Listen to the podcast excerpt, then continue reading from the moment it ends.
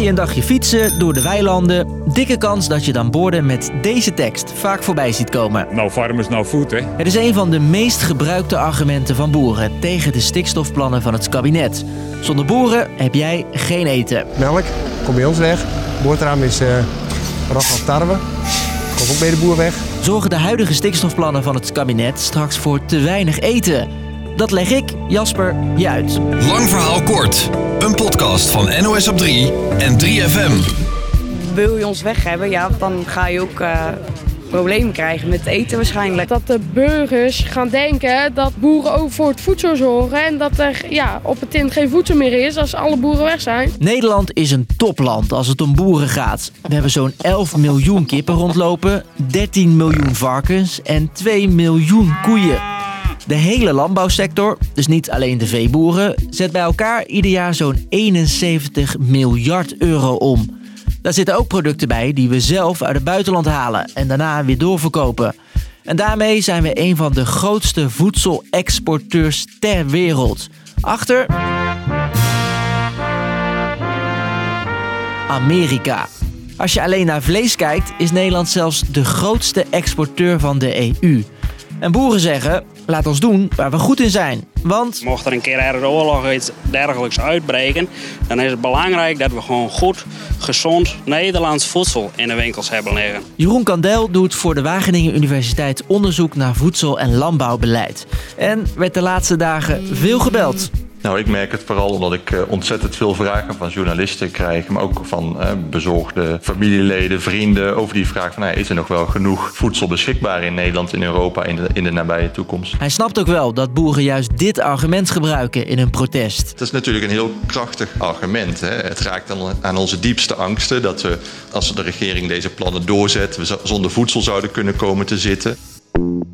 Om dat standpunt duidelijk te maken, blokkeerden boeren eerder al snelwegen en nu distributiecentra, waardoor sommige schappen in de supermarkt leeg zijn. En het is ons niet om de distributiecentrums die, die, die dwars te zitten of het een of het maar wij moeten gewoon wat doen. Kijk, mensen op de, de snelwegen dichtzetten, daar heeft niemand wat aan. Maar wat kunnen wij wel? Toch is die plek, de distributiecentra, niet helemaal random gekozen. Er speelt al langer iets tussen de boeren en de supermarkten. We krijgen veel te weinig voor onze producten. We krijgen al 30 jaar dezelfde melkprijs. Dat kan gewoon niet meer. Een kilootje kaas is inkoop voor hun iets meer dan 3 euro. In de winkel vind je bijna geen kaas onder de 10 euro. Dus zij pakken gewoon het leeuwendeel van het geld en dat moet gewoon anders. En dus zeggen de boeren, wij willen ons bedrijf wel veranderen en duurzamer worden, maar daar is geld voor nodig.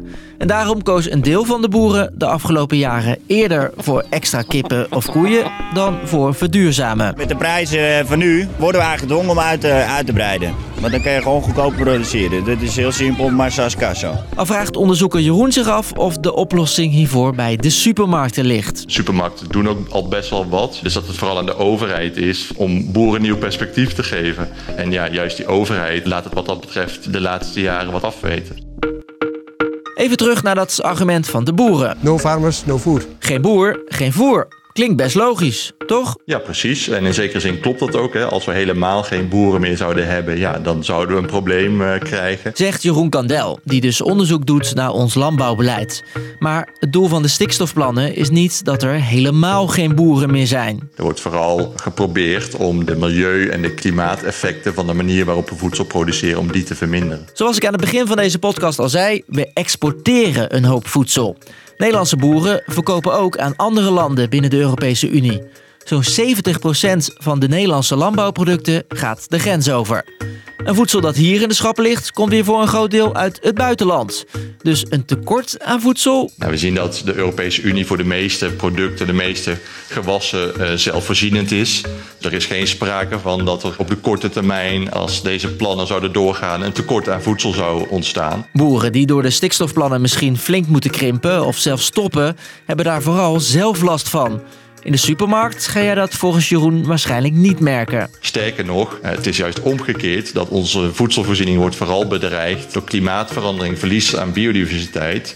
Dus het is juist heel erg nodig dat we nu versneld die voedselproductie, de landbouw gaan, gaan verduurzamen. Dus, lang verhaal kort.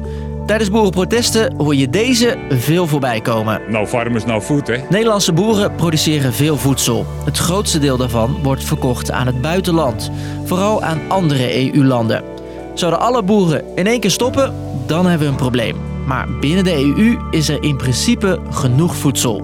Met de huidige stikstofplannen lijkt No farmers, no food. niet te gaan gebeuren. Was de podcast weer voor nu? Morgen rond 5 uur voeden we je weer met een nieuwe aflevering. Tot dan!